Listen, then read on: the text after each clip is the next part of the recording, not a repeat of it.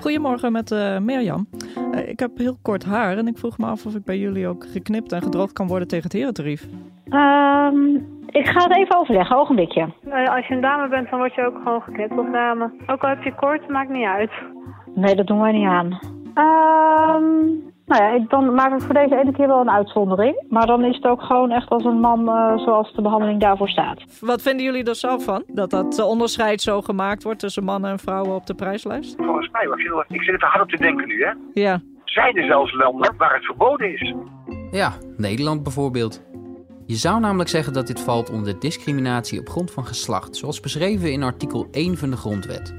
Allen die zich in Nederland bevinden, worden in gelijke gevallen gelijk behandeld maar niet bij de kapper dus.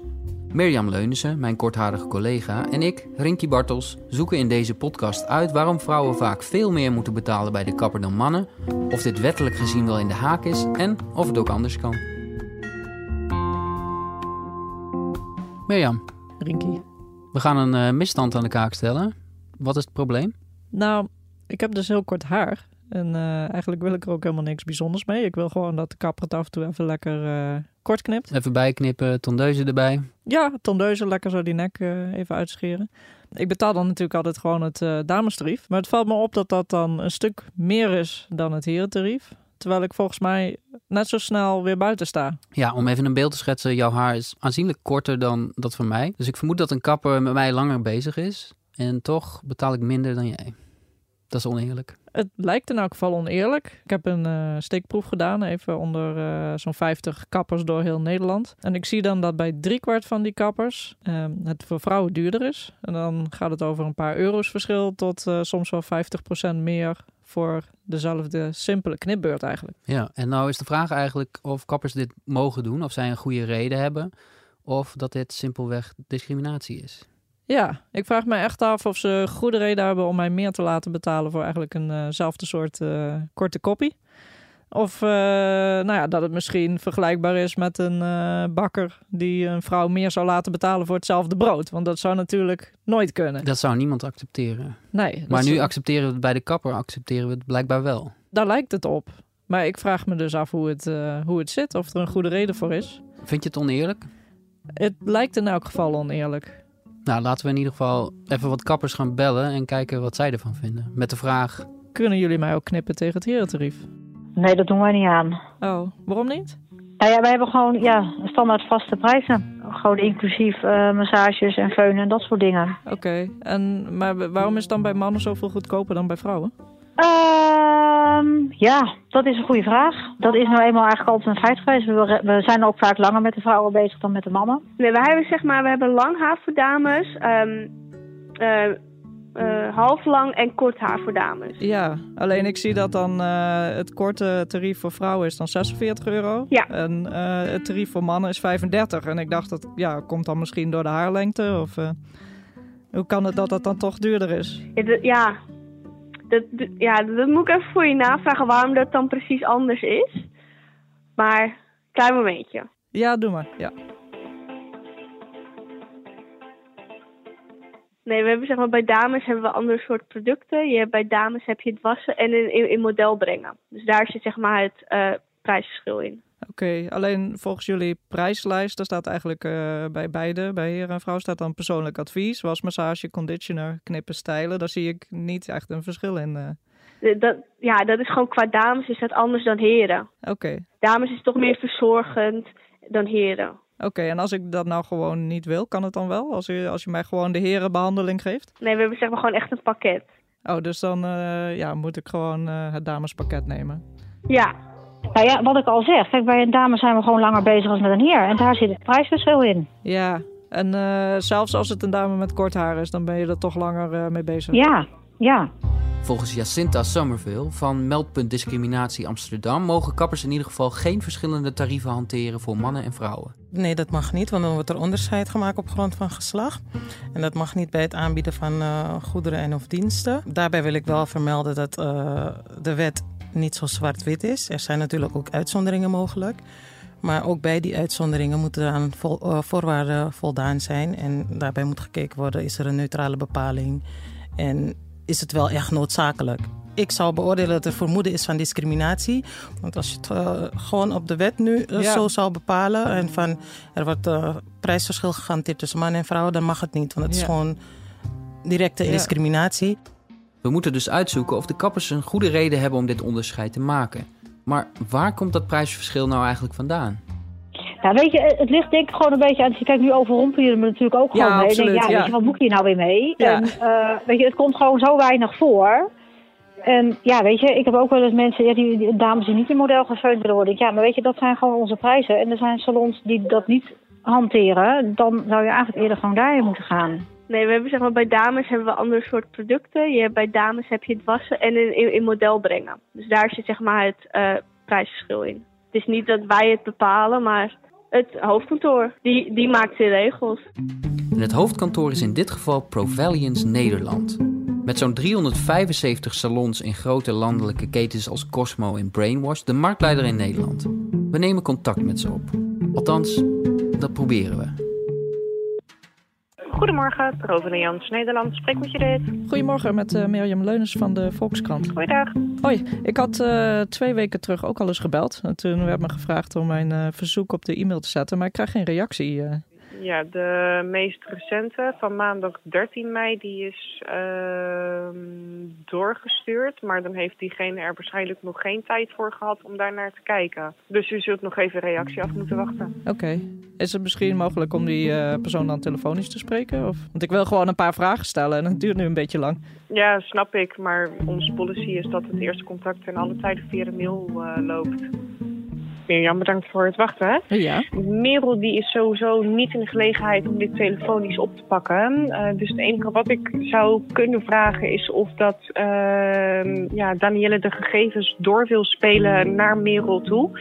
Met het verzoek om contact op te nemen. Maar ja, ik kan daarin uh, helaas niks beloven. Oké, okay, er zit wel enige urgentie bij. Ik uh, zal het doorgeven. Na weken van afhoudende reacties krijgen we toch contact maar pas nadat we expliciet vragen naar het mogelijke conflict met de gelijke behandelingswetgeving. Bij hun keten Cosmo betalen vrouwen namelijk minstens 11 euro meer dan de mannen voor een knipbeurt. We spreken algemeen directrice Merel Venneman en hoofdmarketing Peggy Zwethul. Er is een prijs bepaald voor mannen en voor vrouwen wat gewoon gemiddeld genomen de prijs is. En dus gemiddeld genomen is de behandeltijd gekoppeld aan die prijs voor een vrouw, omdat uh, ja, de type, vrouw die dan bij Cosmo komt, heeft gewoon een bepaalde behandeltijd nodig. En dat geldt hetzelfde voor mannen. En dat wordt ook in het boekingssysteem bijgehouden. En dus op basis daarvan zijn destijds ooit de prijs bepaald. Het is, echt, het is echt een thema waar we eigenlijk nooit klachten over krijgen vanuit onze, vanuit onze salons. En, en ik denk dat dat. Ja, dat is misschien ook een van de redenen waarom we er uh, misschien nog wat minder met dit oog naar gekeken hebben, Mirjam. Ik proef alleen een beetje dat jullie nog steeds niet staan te trappelen om dat dan nu heel actief uh, op te pakken. Wat is er voor nodig voordat jullie uh, daar echt actief mee aan de slag gaan? Ja, dat is een goede vraag.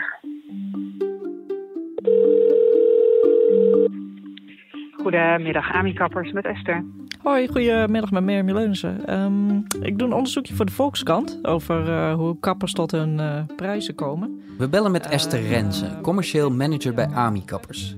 Met ruim 100 salons, vooral groot in het oosten van het land, en volwassen knippen drogen zo'n 6 euro duurder voor vrouwen. Misschien kan zij het prijsverschil beter verklaren of ons vertellen wanneer het gaat veranderen.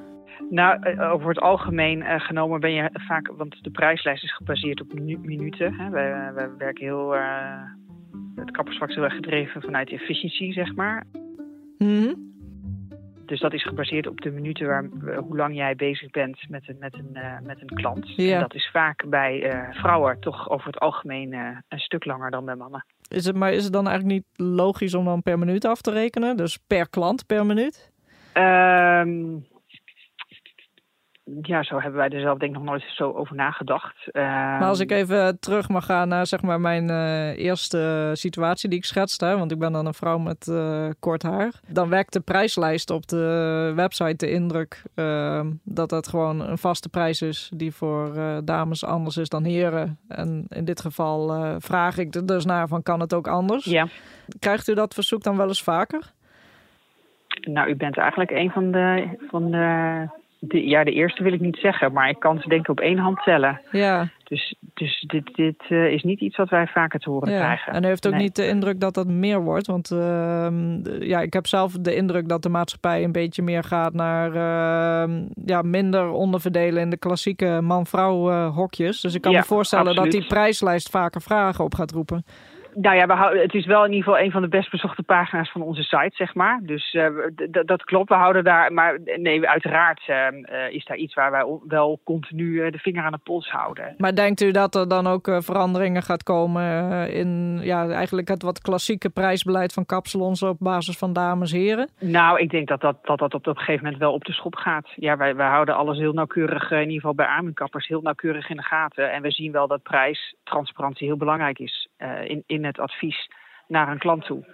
Dus eh, dat is zeker waar, ja. Maar hoe denkt u dat eh, zo'n verandering in gang gezet zou worden? Want ik heb zelf de indruk dat eh, ja, de klanten worden nogal snel doorverwezen naar de hoofdkantoren. En dat is toch best wel een barrière. Ik, ik zie ook niet hoe, dat zo snel eh, bij alle salons gaat veranderen. Ehm, ik kan je ook doorverbinden met eh, onze directeur, dat is Gerbert de Aves. Oké. Hallo. Hallo, met Mirjam. Eh, volgens mij bent u al eh, ingelicht door uw collega Esther. Maar eh, ik was benieuwd, wat vindt u nou eigenlijk zelf van die prijsverschillen? Nou, kijk, ehm, als je mij als privépersoon vraagt, dan denk ik, wat vreemd. Dat, is- dat is mijn standpunt als klant, ja? Ja, dat snap ik. En mijn makke is dat ik opgegroeid ben in een kapstom. Mijn moeder had al een kapstom toen ik twee was. En we woonden achter de winkel, dus ik zit in een soort van kokende situatie. Het is altijd zo geweest en het zal altijd zo blijven. Het, waar ik mee te maken heb, is natuurlijk met de concurrentiepositie. En het is altijd zo, hè. Wie de eerste steen werpt, die, die wil misschien wel de eerste wezen, maar misschien ook weer liever niet. Maar u zegt eigenlijk dat het naar meer uniform prijsbeleid toe zou moeten. Dat is heel wat, voor iedereen makkelijkste wezen. Je bent een van de eerste sinds jaren die me er weer eens naar vraagt. Oké.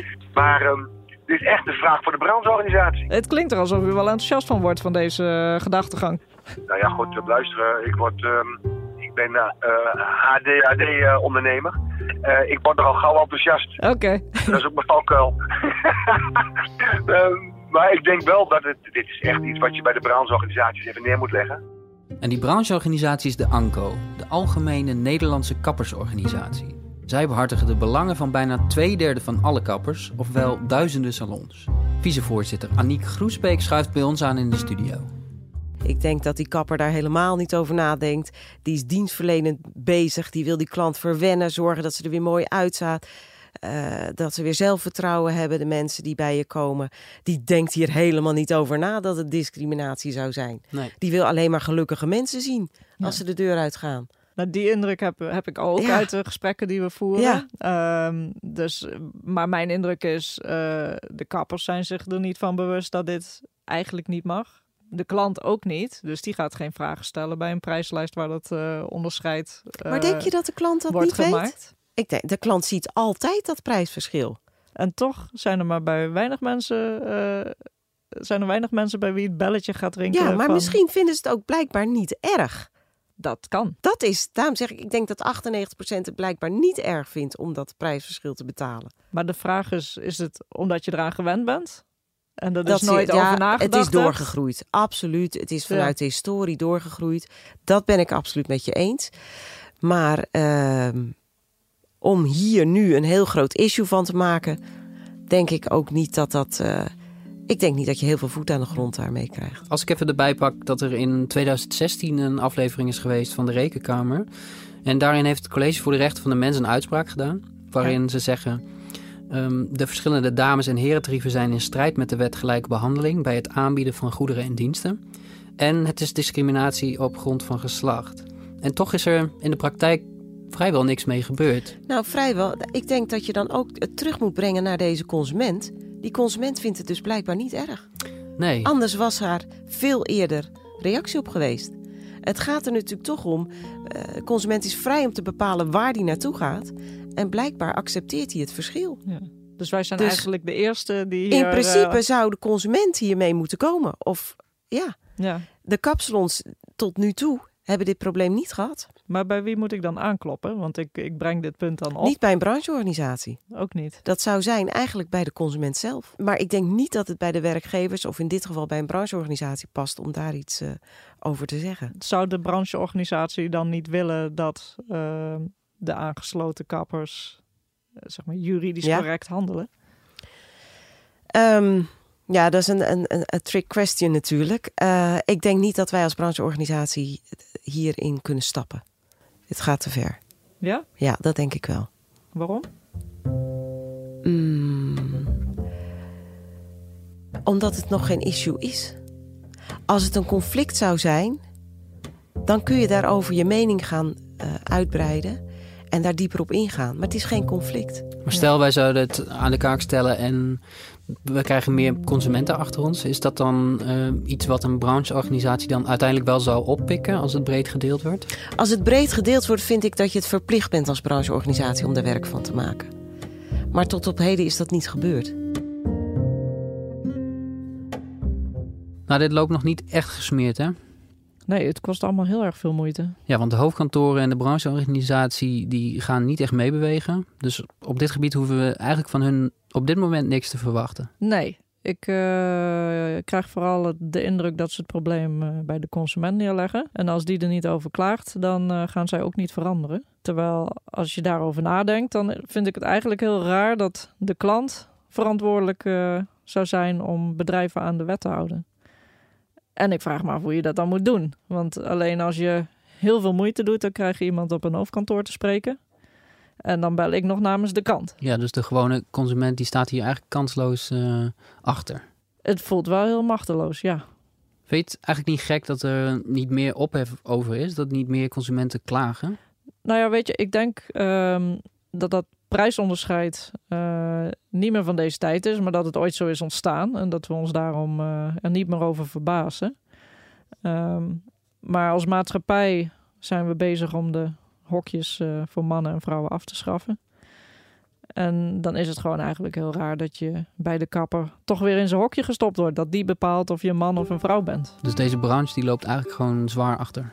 Het voelt heel erg uit de tijd. Het lijkt me wel fijn als alleen maar kijken naar wat er feitelijk aan je haar moet gebeuren. En niet naar of je een man of een vrouw bent. Even voor jou, het is dus uh, drie maanden geleden denk ik geknipt. Dus het is Ja. voor mijn doen heel erg lang. Ja, dus de oren mogen wel Ja. lekker vrij geknipt Je mag worden. de oren vrij knippen. En ook Boven even, weer lekker stuk eraf, nou, nekpartij goed weer in nek, want dat zie je ook hier allemaal uitgroeien. Ja. We maken een afspraak met Charlotte Wening van de Rollende Kappers. Zij knippen op locatie en laten zien dat het prijsbeleid ook anders kan. Nou, wij als de rollende kappers, wij hebben besloten, en daarbij zijn er nog wel meerdere kappers, denk ik, ehm, dat het gaat om de tijd dat je mee bezig bent en niet om eh, of het een man of een vrouw is. Mannen kunnen namelijk ook heel erg veel haar hebben. Ehm, en vinden het dus erg belangrijk dat we gewoon genoeg tijd voor iedereen inplannen. En willen daar absoluut geen, eh, geen onderscheid in maken. En is dat dan altijd eh, dezelfde tijd voor alle volwassenen? Ja, ja, in principe rekenen we altijd drie kwartier voor een volwassene.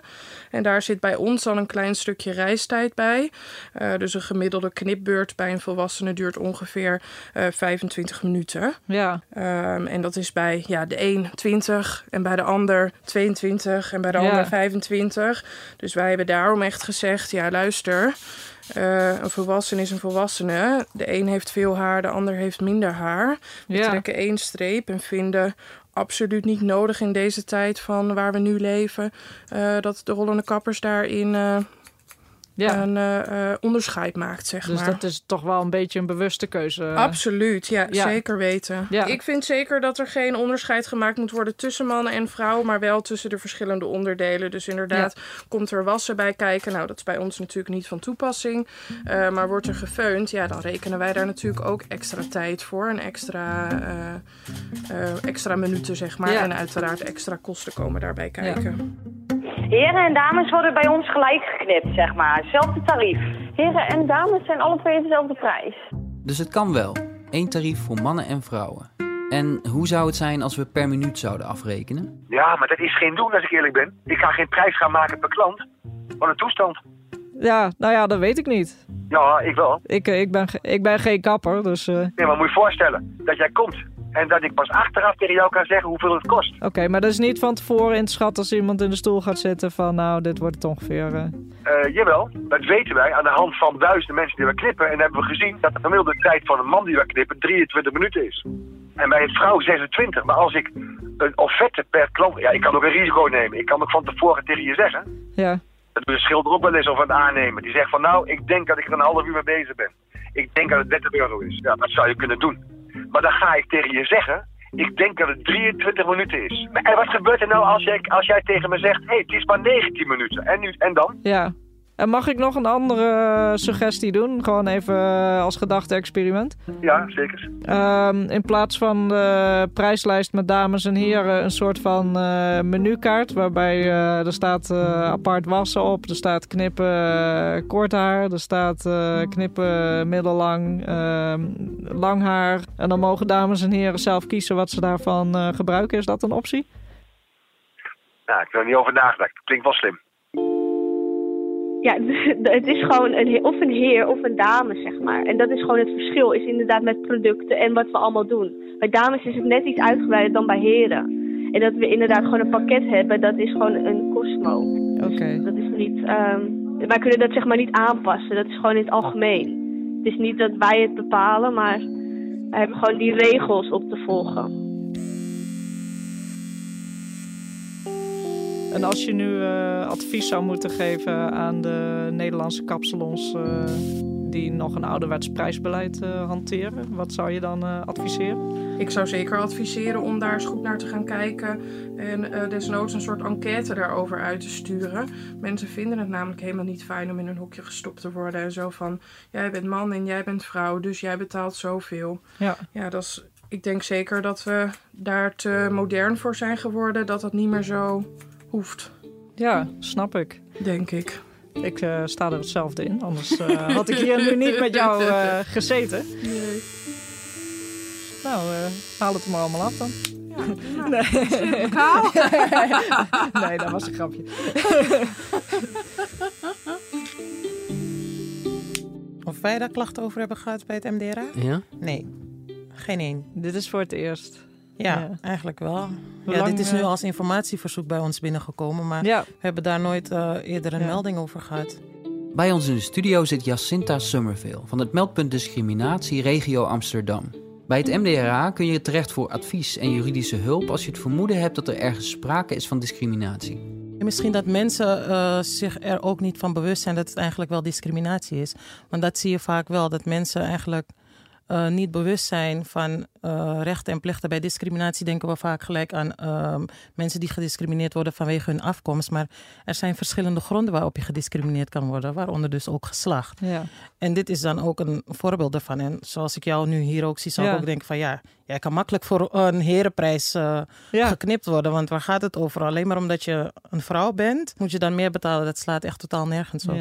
Maar het is gewoon echt die onbewustzijn van mensen dat ze niet weten wat ze überhaupt kunnen. En misschien is het ook omdat het altijd zo was. Dat vroeger had je damesalons en herensalons Ja. en dan waren de prijzen verschillend. En nu vinden mensen het dus niet meer raar als de prijzen apart op de kaart staan bij de...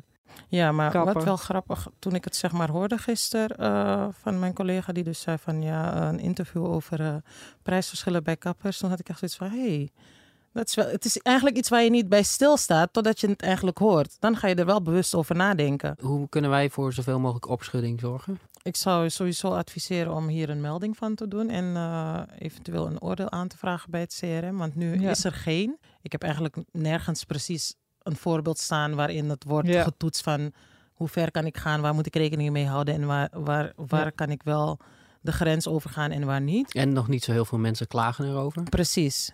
Dus, er moet echt een duidelijk oordeel komen. Ja, Dit is niet oké. ja, precies. Ik vind het wel een heel interessante trouwens. Het lijkt me goed als je dit zeker eh, bij het College voor de Rechten van de Mens ter sprake brengt. Om te kijken of daar een, eh, wat voor oordeel daaruit komt Ja. rollen. Oké, een melding dus. Juridisch gezien zouden we dan sterk staan, bevestigt Linda Senden, hoogleraar Europees Recht aan de Universiteit Utrecht en coördinator van het EU-netwerk voor gelijke behandeling van mannen en vrouwen. Je mag wel onderscheid maken tussen mannen en vrouwen, maar alleen als het een legitiem doel dient. Kappers zeggen dat ze meer tijd kwijt zijn aan vrouwen omdat ze moeten drogen of hun kapsels ingewikkelder zijn, maar dat ligt op zich niet aan het feit dat ze vrouw zijn. Onderscheid maken op grond van geslacht is daarom veel te radicaal. Is het puur juridisch gezien eigenlijk zo klaar als een klontje? Kijk, ik ben jurist, hè, dus ik hou altijd een slag om de arm. Maar ik, uh, ik zou echt niet weten hoe ze door die proportionaliteitstoets uh, heen komen. Hè, om echt te zeggen van dit is echt noodzakelijk. En dat dat echt te maken heeft uh, dat het geslacht daarin dan een bepalende factor is. En dat wordt heel erg moeilijk. Ja, ik denk omdat het een zo'n lange historie eigenlijk heeft, dat mensen helemaal niet meer de vraag bij stellen of dit wel eigenlijk terecht is of niet. Dus ja. er is een soort acceptatie. En dat wij het dus blijkbaar normaal vinden dat we man, vrouw, geslacht als een criterium hanteren voor de toegang ja, tot bepaalde nou ja, basale diensten. Hi, is this Miriam? Yeah, this is Miriam. Uh, so you're Donatas? Yes, yes, Donatas from, from the office, yeah. We kunnen een voorbeeld nemen aan mede-EU-land Litouwen. Vorig jaar voerde de ombudsman daar campagne voor genderneutrale prijzen bij de kapper, in lijn met de Europese gelijke behandelingswetgeving. Woordvoerder Donatas Paulauskas vertelt ons er meer over. So we used social media, we used articles in the traditional media, we were in the news, you know, spreading this message. We um, asked to put our info sheet about, you know, explaining the campaign um, in the journal for hairdressing professionals. And we also did the mailing. Uh, we wrote um, emails to 102 providers of, of beauty services, encouraging them to update their prices according to objective criteria, not on, on the basis of client's gender. Yeah, so we advised um, this kind of action. And in case uh, they ignore this invitation, if they are really hostile against this, and if they really don't care, we would start an investigation for for violating yeah uh, for violating the law.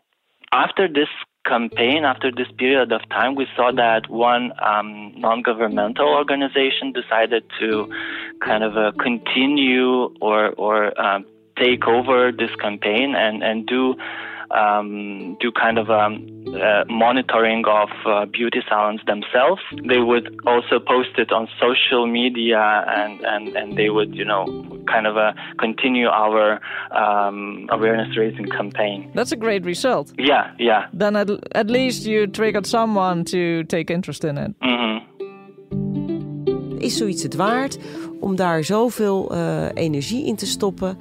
Om, uh, dat vraag ik me af. Nou, maar de waarde zou voor mij uh, niet zozeer zitten in het specifieke uh, kappersbezoek. Nee. Maar meer in een voorbeeld van we maken ja. geen onderscheid meer op basis ja, van dat geslacht. begrijp ik. Dat begrijp ik. En dan is dit een hele herkenbare, ja. Uh, ja een heel herkenbaar voorbeeld waar veel klopt. mensen van denken van oh ja, daar had ik eigenlijk niet bij stilgestaan, maar dit mag niet.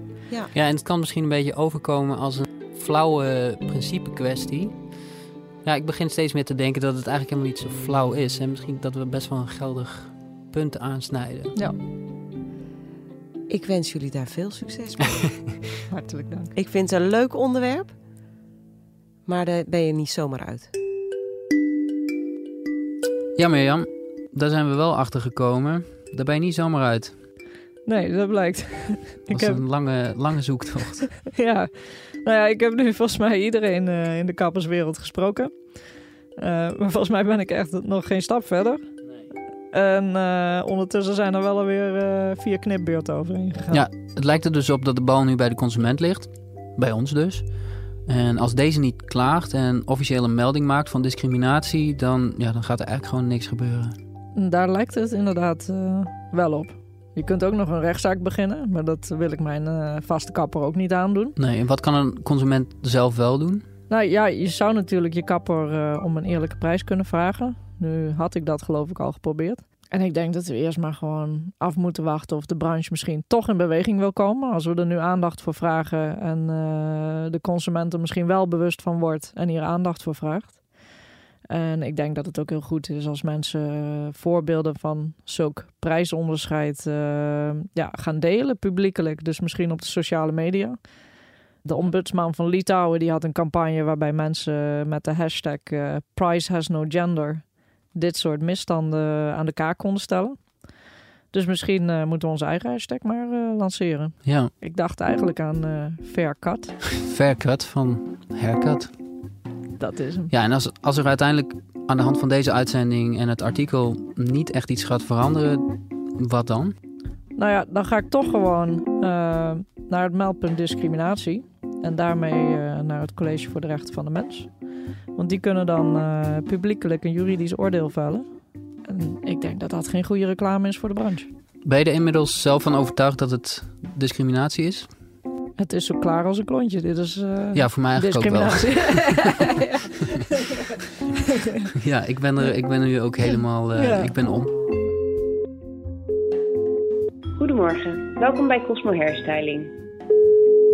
Goedemorgen. Hallo, met Rinkje Bartels. Ik heb vrij lang haar en ik vroeg me eigenlijk af of ik bij jullie ook tegen het duurdere damestarief geknipt kon worden.